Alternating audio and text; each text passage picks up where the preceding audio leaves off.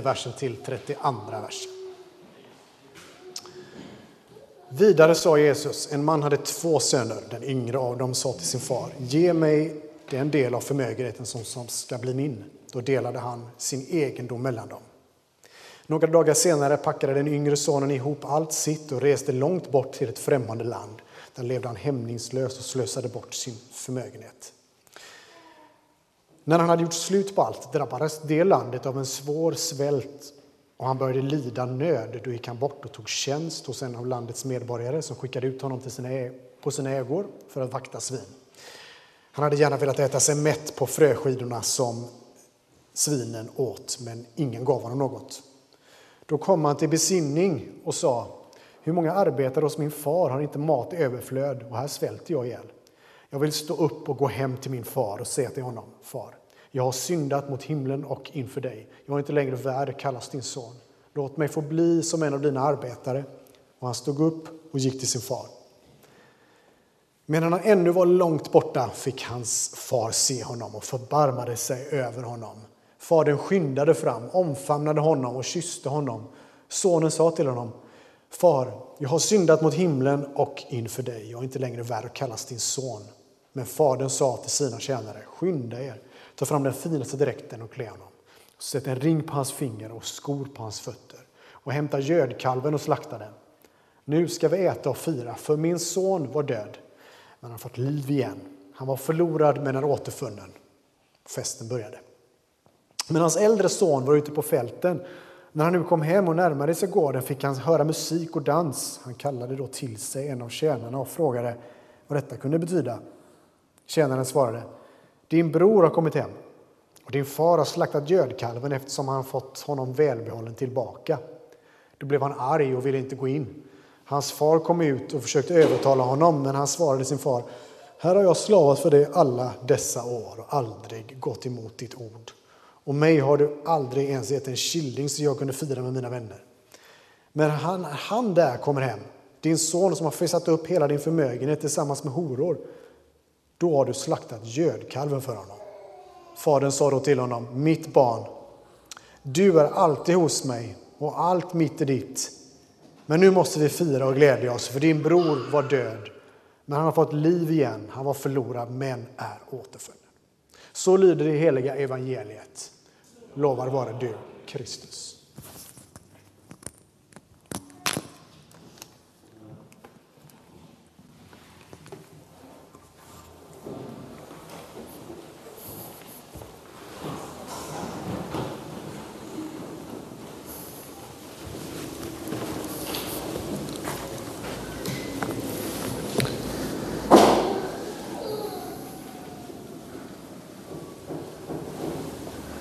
Himmelske Fader, jag ber att ditt ord som vi precis har läst, att det skulle få drabba våra hjärtan med precis det som texten beskriver, nämligen din kärlek. Så därför ber jag just nu för mig själv. Jag vill böja mig inför dig, böja mitt hjärta inför dig böja mina ord inför dig, Kristus, så att ditt namn blir förkunnat. Ditt namn blir ärat och upphöjt. Att ditt namn blir älskat därför att ditt folk inser att du har älskat oss först. Och i den kärleken så får vi älska dig tillbaka. Kristus, kom möt oss när ordet förkunnas. Amen.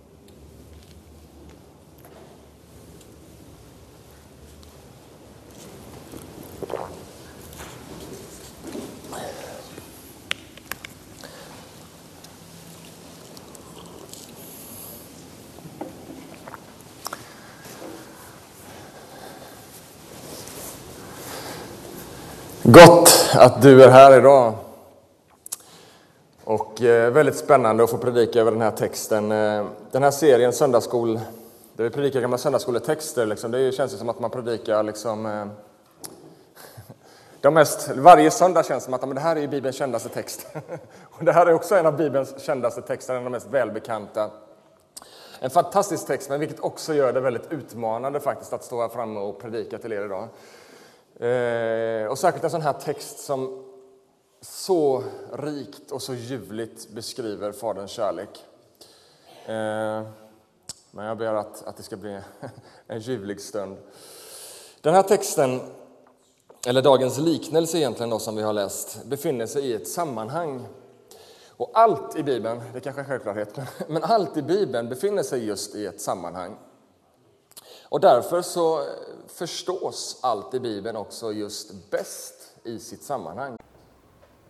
Men än ljuvligare blir det när vi får se det i sitt sammanhang och får se liksom hur, hur, hur hela sammanhanget berättar en, en, en, en, en större berättelse. Och nu är vi i ett sammanhang som är Jesu liv.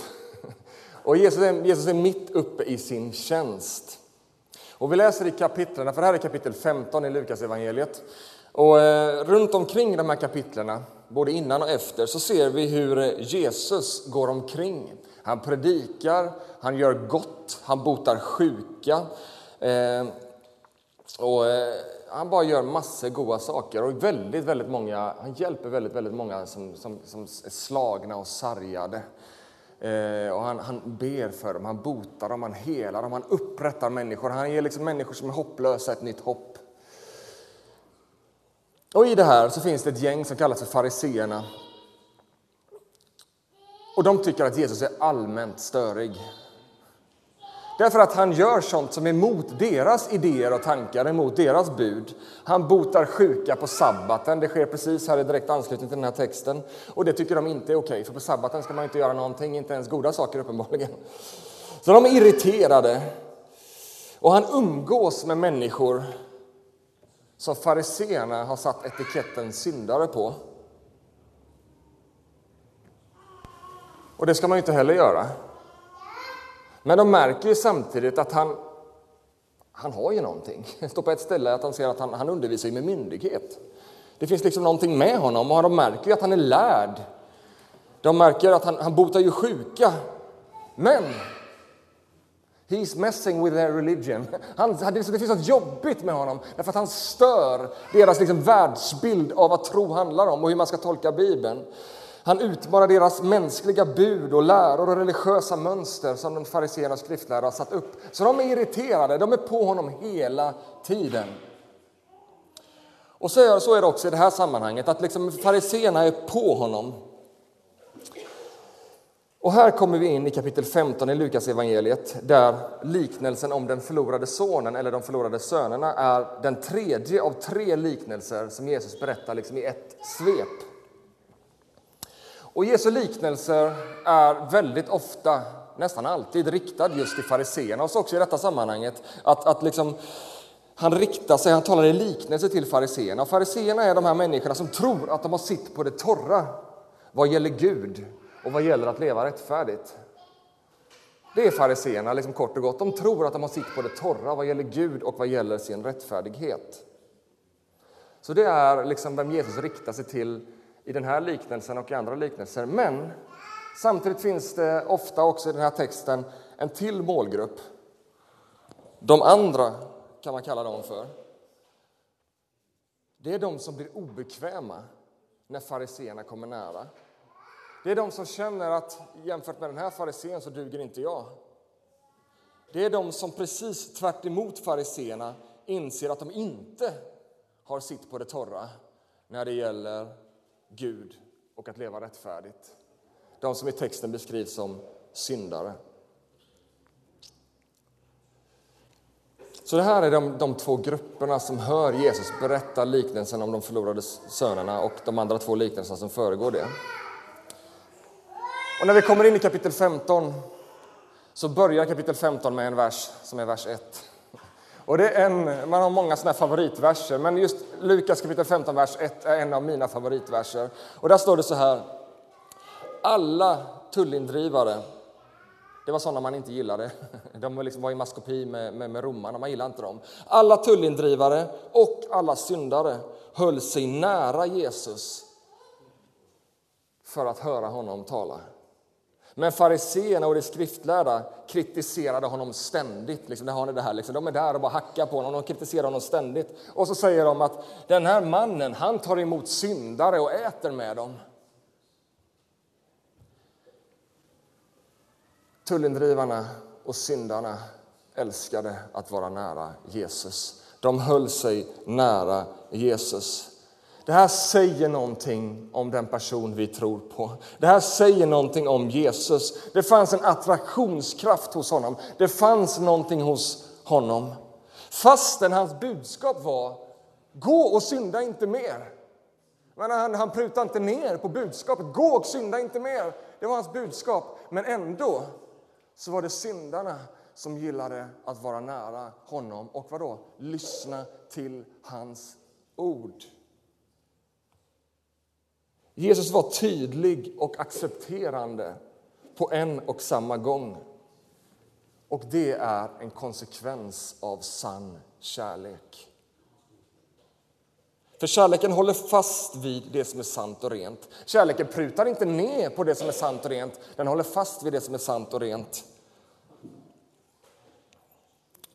Men samtidigt så väljer också kärleken alltid förlåtelse istället för dom. Syndarna de höll sig nära Jesus. Vart helst Jesus kom, faktum är att vart helst han kom, inte bara i detta sammanhang, utan vart helst han kom så ville syndarna vara nära honom. Det kan man se när man läser liksom i grundtexten, så kan man se att det här var inte en tillfällig sak, utan det var ett, liksom ett, ett generellt påstående att de höll sig nära honom vart helst han kom. Och just syndare, som texten säger rakt upp och ner, man kan tycka det är lite plumpt att Jesus säger liksom syndare. Men faktum är att syndare var en etikett som fariseerna använde för att tala om icke-judar och för att tala om prostituerade, för att tala om sådana som liksom inte fick ihop livet, för att tala om sådana som inte liksom följde alla liksom religiösa bud och mönster. Alla de som inte levde upp till deras religiösa standard. Och det var inte bara så att fariseerna kallade dem för syndare, utan troligtvis var det också så att man definierade sig själv som syndare och kallade sig själv för syndare. Och de religiösa på Jesu tid, de ville inte ha med denna gruppen människor att göra. Men Jesus, han var precis tvärtom. Det var just dessa som Jesus spenderade tid med. Han delade livet med dem. Och vi har precis läst här i, i, i första versen hur, hur, han delade måltid med dem. Fariséerna var irriterade för att han åt med dem. Han liksom var intim gemenskap. Och Tim Keller, som har skrivit en bok om, om den här texten, han gör följande reflektion över den här versen. Nu läser jag på engelska. Jesus' teaching consistently attracted the irreligious while offending the Bible believing religious people of his day. However, in the main, our churches today do not have this effect. The kind of outsiders Jesus attracted are not attracted to contemporary churches. Even our most avant garde, liberated, or the broken and the margin, marginal avoid church. That can only mean one thing if the preaching of our ministers and the practice of our, of our churches do not have the same effect on people that Jesus had, then we must not be declaring the same message as Jesus did. Vad han säger här är att på Jesu tid så attraherade Jesus de utsatta. Och så utmanar han samtidigt kyrkan idag. Hur ser kyrkan ut idag? Jo, vi attraherar medelklass, övre medelklass, medan outsiders de drar någon annanstans. Och vad är det för budskap som vi predikar i våra kyrkor idag som gör att det ser ut så? Och jag skulle säga att den här texten är en utmaning till varje kristen och till varje kyrka. Jesu ord är en radikal utmaning att se över våra liv. Vad är det för budskap våra liv predikar? Vad är det för budskap våra kyrkor predikar? Attraherar vi samma människor som Jesus gjorde? Är det syndarna som känner sig hemma i vår närhet? Eller är det de som tycker det här är väl en baggis. Jag får ihop det här. Jag är ganska rättfärdig. Jag har ganska bra koll på läget. Jesus säger själv i Lukas 5.32 att det inte är de friska som behöver läkare, utan de sjuka. Jag har inte kommit för att kalla dem som tycker att de är rättfärdiga, utan jag har kommit för att kalla syndare, säger Jesus. Och det är precis vad vi ska se i dagens liknelser. Att syndare primärt inte är en viss kategori av människor utan det är snarare människor som har kommit till insikt om sitt behov. Hur är det när man ska till läkaren? Om inte jag kommer till insikt om mitt behov, då går jag ju inte ens till läkaren. Men när jag kommer till insikt, det är då jag går och ber om hjälp. Och det är de människorna som Jesus har kommit för. Som jag sagt så berättar Jesus tre liknelser rakt upp och ner. Så berättelsen om den förlorade sonen är liksom inte en, en liknelse i sig, utan den hänger ihop med, med, med, med två andra liknelser. Men alla de här tre har ett återkommande tema och det är förlorat och återfunnet. Förlorat och återfunnet, men sen också glädjen över återfinnandet. Alla de här tre liknelserna har det här genomgående temat. Och första liknelsen talar om ett förlorat får. Och herden som lämnar, det är hundra får, ett får är förlorat, så det är 99 kvar. Herden lämnar de 99 för att gå och söka efter det enda förlorade.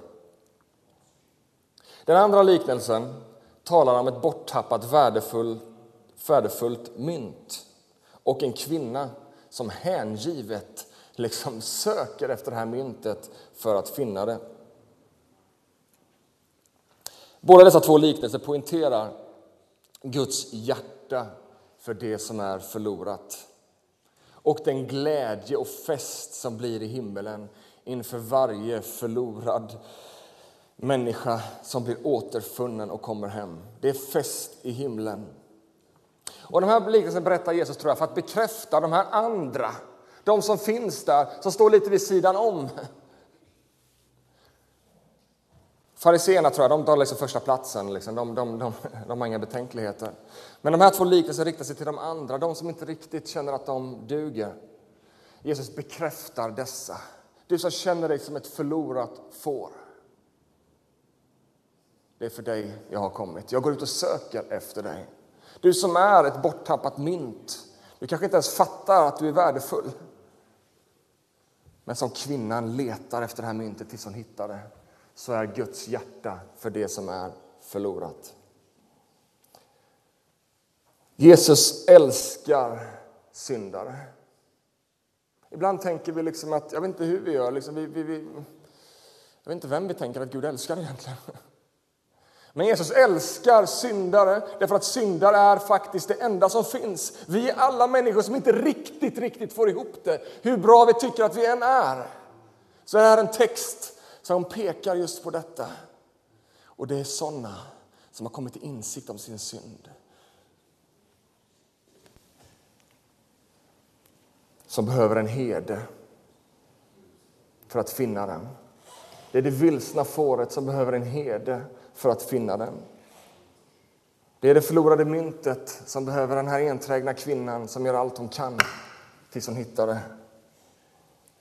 Det är vi som inser att vi haltar som behöver en läkare som helar våra sår.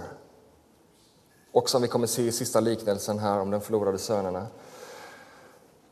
Att det är vi som inser att vi behöver en pappa som välkomnar oss med öppna armar trots att vi har svikit, trots att vi har gått vilse, trots att vi har gått vår egen väg. Men vi inser det finns en pappa där borta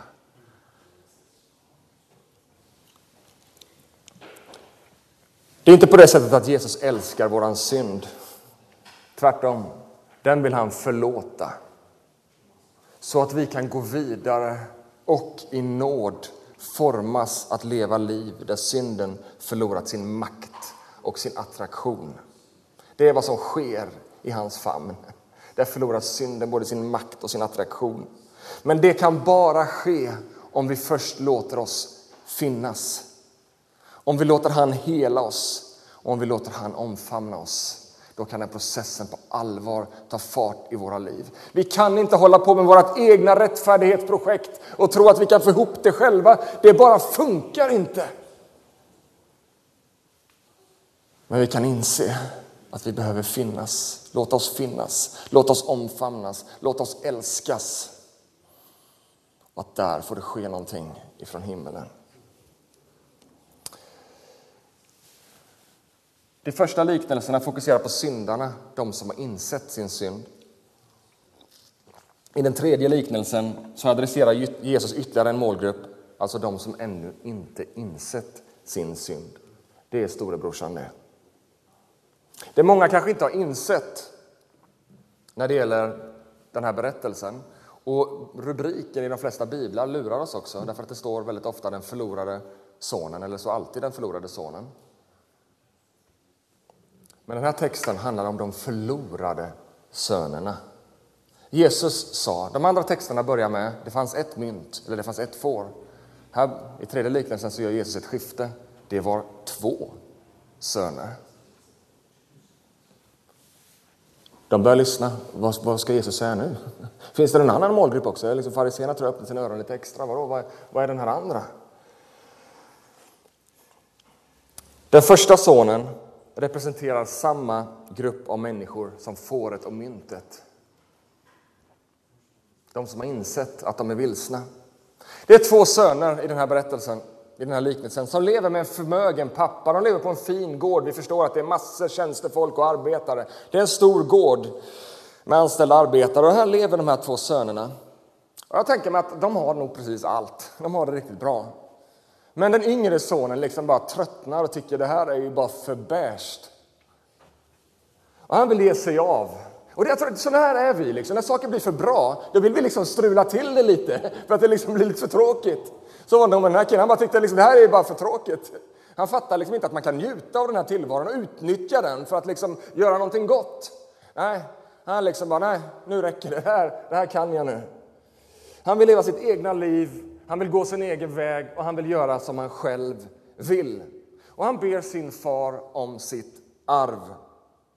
Och vi kanske inte tycker att det är särskilt dramatiskt. Pappa, kan jag få lite pengar? Eller, eller inte lite, jag vill ha mitt arv. Men ett arv, när skiftas ett arv? Det skiftas när föräldrarna, eller i detta fallet då, pappan, har dött. Så vad säger den yngre sonen egentligen? Pappa, det går för långsamt. Du är en seglivad liten ja, eh, gubbe. Jag orkar inte vänta. Ge mig arvet nu. Det är i princip som att säga att jag vill hellre ha dina pengar än vad jag vill ha dig. Det är ungefär som att säga pappa gå och dö nu. Ge mig pengar, jag vill ändå inte ha dig, jag vill ha dina pengar. Det är ganska dramatiskt. Tänk er själv i pappans liksom situation. Det måste smärtat honom djupt. Han måste blivit djupt illa berörd. Min son vill ha mina pengar, men han vill inte ha mig. Men pappan tvekade inte. Han skiftade arvet och han släpper honom fri. Då står det att sonen lämnade för ett främmande land. Ett främmande land. I texten så står det som en symbol för ett land som inte var naturligt för honom. Det var främmande för honom. Det var ett land som var främmande för honom. Det var inte det land han var skapad för att leva i. Men han ger sig ändå av dit, till ett främmande land. Och han levde för allt som pengar kunde ge. Texten avslöjar att han var ute efter njutning. Han köpte njutning och tillfredsställelse. Och han levde ett gränslöst liv, precis som han längtat efter. Nu slipper jag lyssna på pappas röst. kan jag leva ett gränslöst liv, jag kan sova hur länge jag vill. Jag kan göra vad jag vill.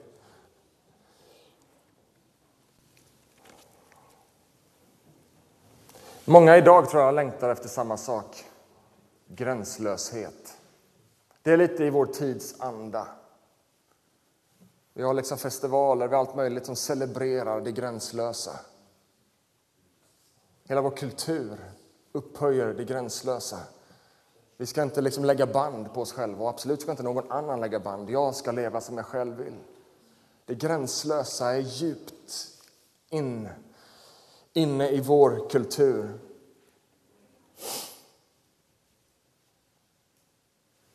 Och det är för att syndens löfte är precis samma idag som det var på den här tiden.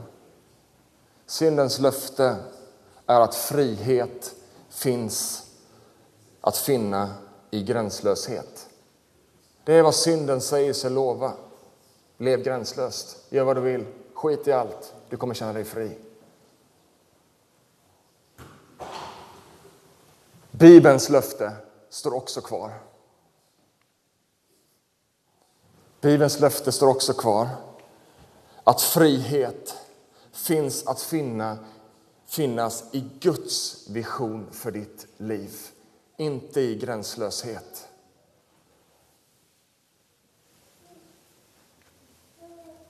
Jag tror att vi behöver fatta det här. Bibeln talar inte om gränslöshet. Bibeln talar om att det finns gränser. Bibeln talar om att det finns en vision för ditt liv. Det finns ett sätt att leva som du är skapad för. Du är inte skapad för det främmande landet med ett främmande beteende. Det kommer aldrig ge dig lycka och tillfredsställelse därför att det är inte så du är skapad. Vi är inte skapad för gränslöshet. Men ormen kryper runt där. Ja, men det kan väl inte skada, käka av det där äpplet. Ja, men Gud har ju satt upp en gräns. Ja, det är väl inte så noga. Jag tror att vi allt för ofta går på den lögnen. Och i vår tid så vill vi ha Gud på våra villkor. Vi vill ha Guds välgång och Guds välsignelse på våra villkor. Det finns aldrig att finna i gränslöshet. Det finns bara att finnas i Guds vision och Guds design för våra liv.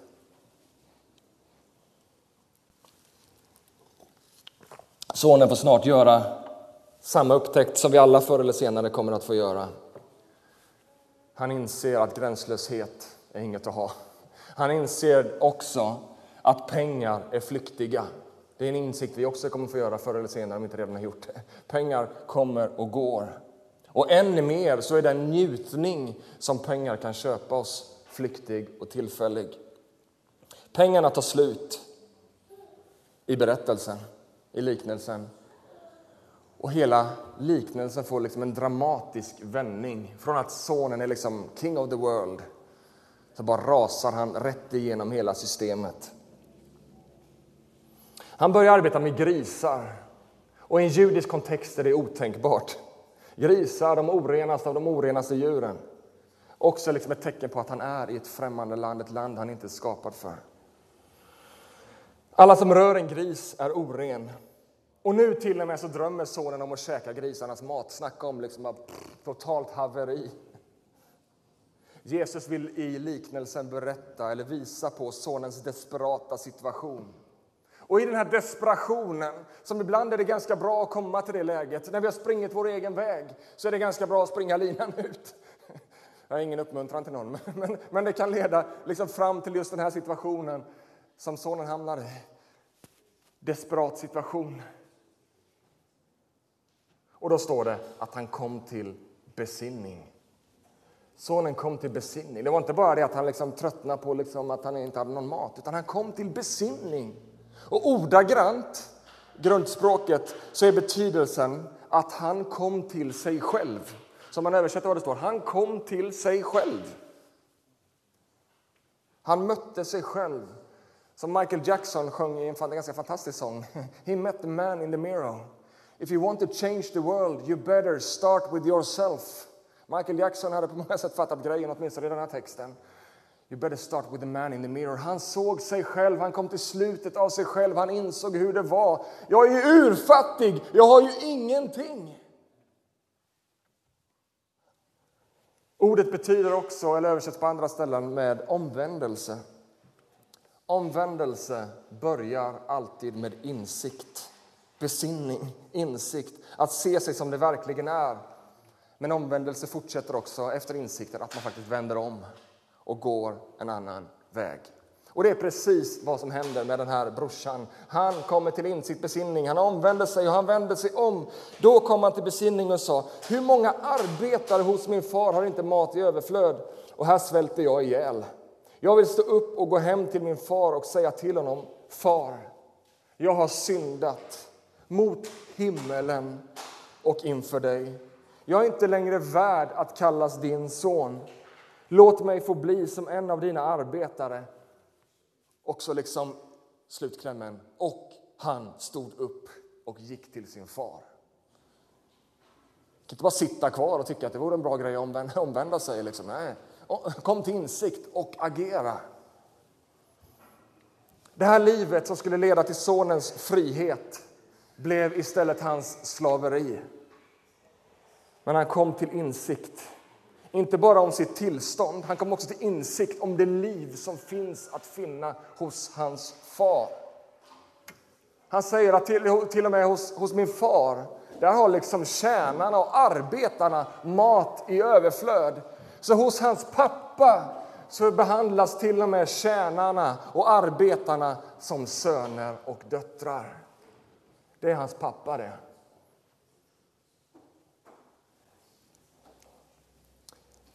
Den yngre sonens omvändelse är på två plan. Texten säger att han erkänner att han har syndat, inte bara mot sin pappa utan också mot himmelen, alltså mot Gud.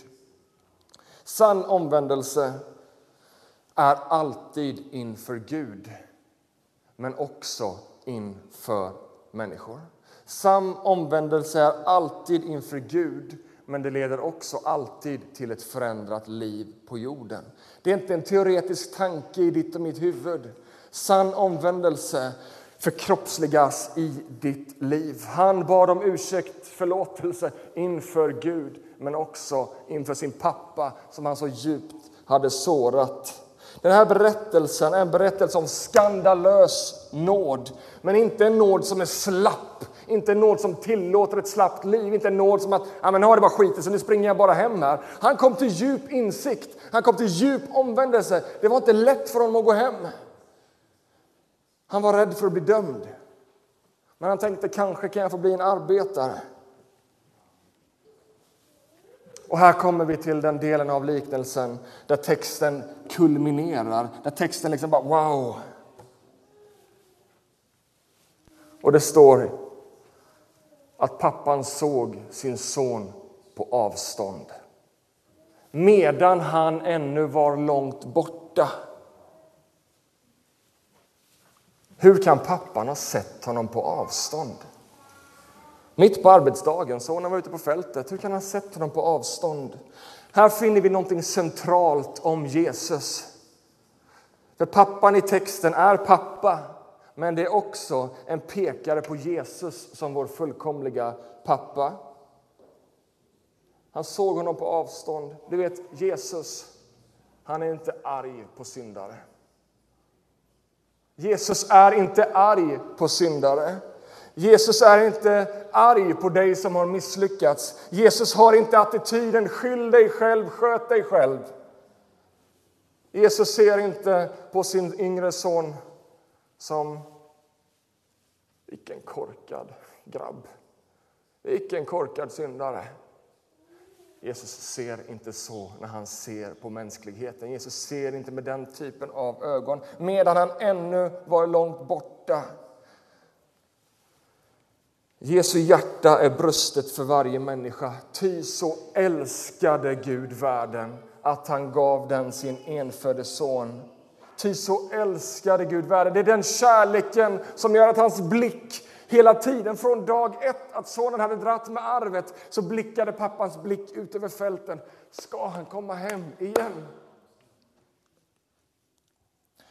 Jesu kärlek är så gränslös och så intensiv, gränslös i dess rätta bemärkelse, och så intensiv att hans ögon, bildligt talat, hela tiden sträcker sig ut över fälten, ut över världen, så långt han kan se. För han hoppas och han längtar att snart få se sin älskade son, sin älskade dotter komma hem igen.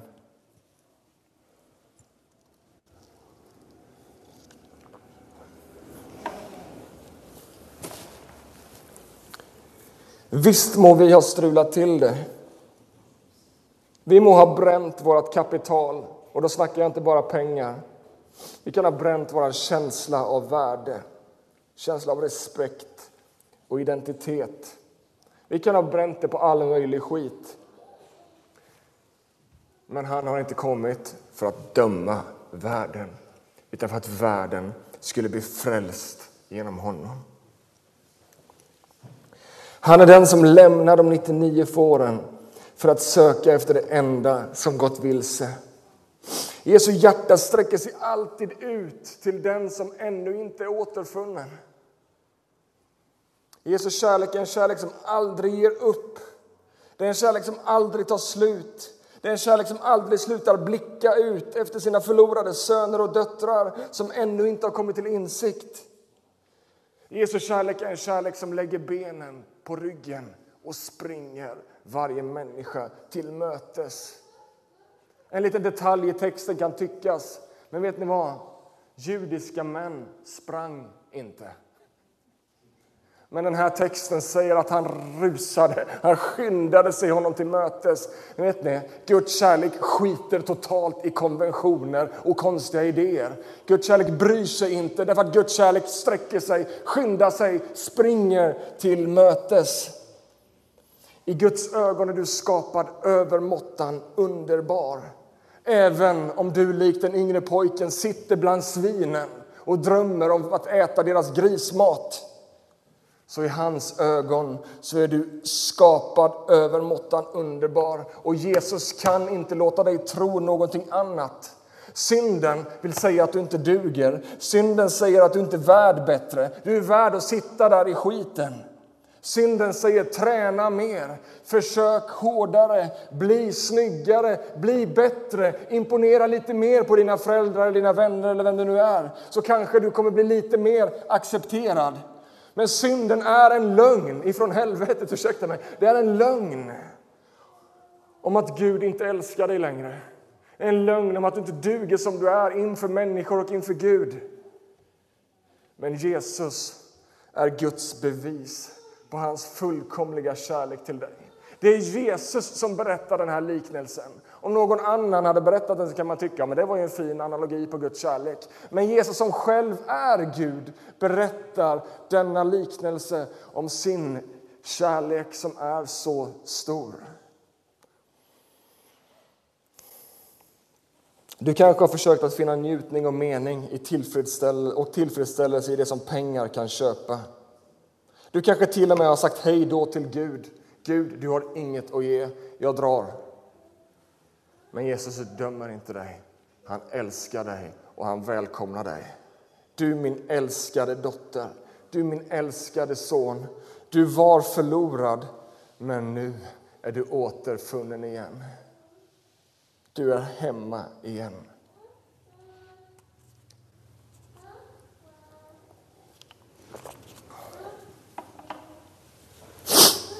Men denna Guds kärlek slutar inte här i den här liknelsen.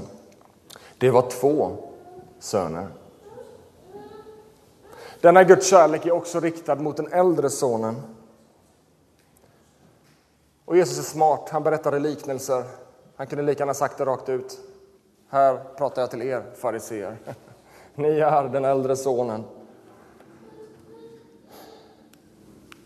Den äldre sonen representerar fariseerna, de som trodde att de hade sitt på det torra, vilket innebär att det också representerar oss alla ibland.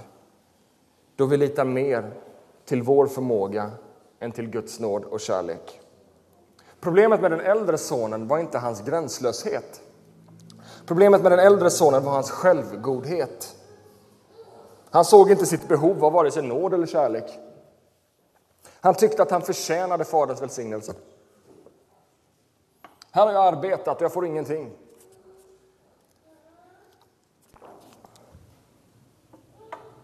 Han tyckte han var rätt fullkomlig i sina egna. Liksom. Jag har ju levt upp till allting, jag är ganska bra i mig själv.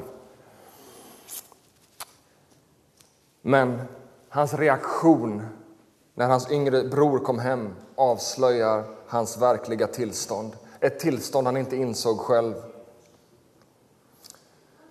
Han blir ilsk mot hans pappa som tar emot sin yngre son med öppna armar. Och direkt så avslöjas hans hjärta och motiv, hans hårdhet.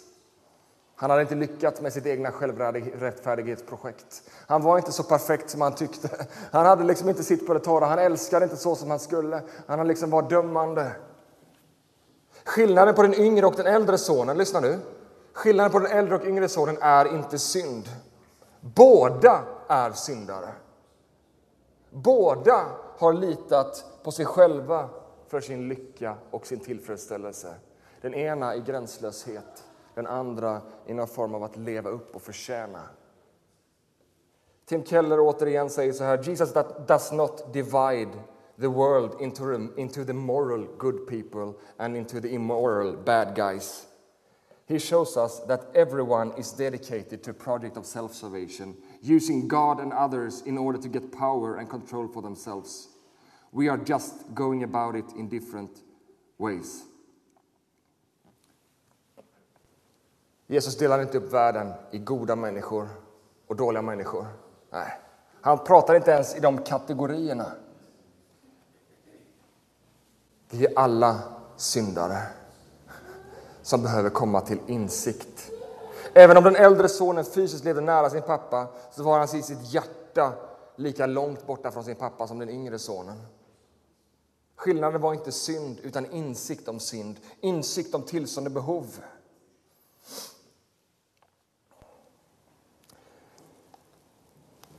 Så fort vi tror att vi har koll på det själva, att vi klarar att leva gott på egen hand, då blir vi som den äldre brodern. Så fort vi börjar dela in världen i goda människor och dåliga människor så blir vi som den äldre brodern som tror att ja, men jag var rätt god jämfört med andra. De kategorierna existerar inte för Gud. Inför Gud är vi varken bra eller dåliga. Inför Gud är vi människor skapade av honom, älskade av honom. Vi må vara vilsna, vi må vara stukade, men det är sådana som han har kommit för. Det är sådana som han älskar. Det är synd om den äldre brodern i den här liknelsen, därför att han verkar aldrig komma till insikt. Han verkar aldrig hitta hem. Men vi ser Faderns kärlek. Han går ut och det står att han enträget ber den äldre sonen. Kom hem, var med, kom in i värmen, kom in i festen. Nej, hans hjärta var alldeles för hårt och han går därifrån. Jesus stänger inte dörren för någon. Han stänger inte dörren för den äldre brodern. Absolut inte. Han enträget kom in. Men Jesus poängterar i liknelsen att det är omöjligt för självgodhet och självrättfärdighet att ta emot Jesu nåd och kärlek. Vet du varför? Därför att självrättfärdighet och självgodhet är inte intresserad av Jesu nåd och kärlek. Både den yngre brodern och den äldre brodern behöver komma till insikt. Oavsett vem du och jag liknar, eller vi kanske liknar både och ibland, både den äldre och den yngre, så behöver vi komma till insikt och vända om. Likt den yngre sonen, vända om från våra försök att skapa liksom lycka och njutning utan Gud men också likt den äldre sonen vända om från våra hårda hjärtan där vi är skillnad på människor och vi försöker förtjäna Guds godhet. Nej, vi behöver dagligen se Jesu öppna armar. Och faktum är att han är här just nu. Centrum av varje gudstjänst är Jesus Kristus med sina öppna armar som välkomnar var och en av oss. Och han vill se in i våra ögon. Han vill sätta ett ring på våra fingrar. Han vill klä oss med sandaler. Han vill sätta en ny dräkt på oss. Vi är återupprättade, vi är hans älskade barn. Hur mycket vi än har... Hitta på massa fula ord. Hur mycket vi än har strulat till det så älskar han oss och välkomnar oss. Sista meningen. Men han inte bara förlåter oss. Det hade varit nog. Jag förlåter dig. Kom här, du kan liksom hänga med på sidan om här. Han fullkomligt också återupprättar oss. Fullkomligt återupprättar oss. Den yngre sonen blir inte välkomnad som en dagarbetare eller en daglönare hos sin far. Han blir välkomnad igen som en son. Som söner och döttrar välkomnas vi hem. Vet du vad? Du är en dotter av den högsta guden. Du är en son av den högsta guden, älskad med en kärlek som aldrig ger upp. Amen.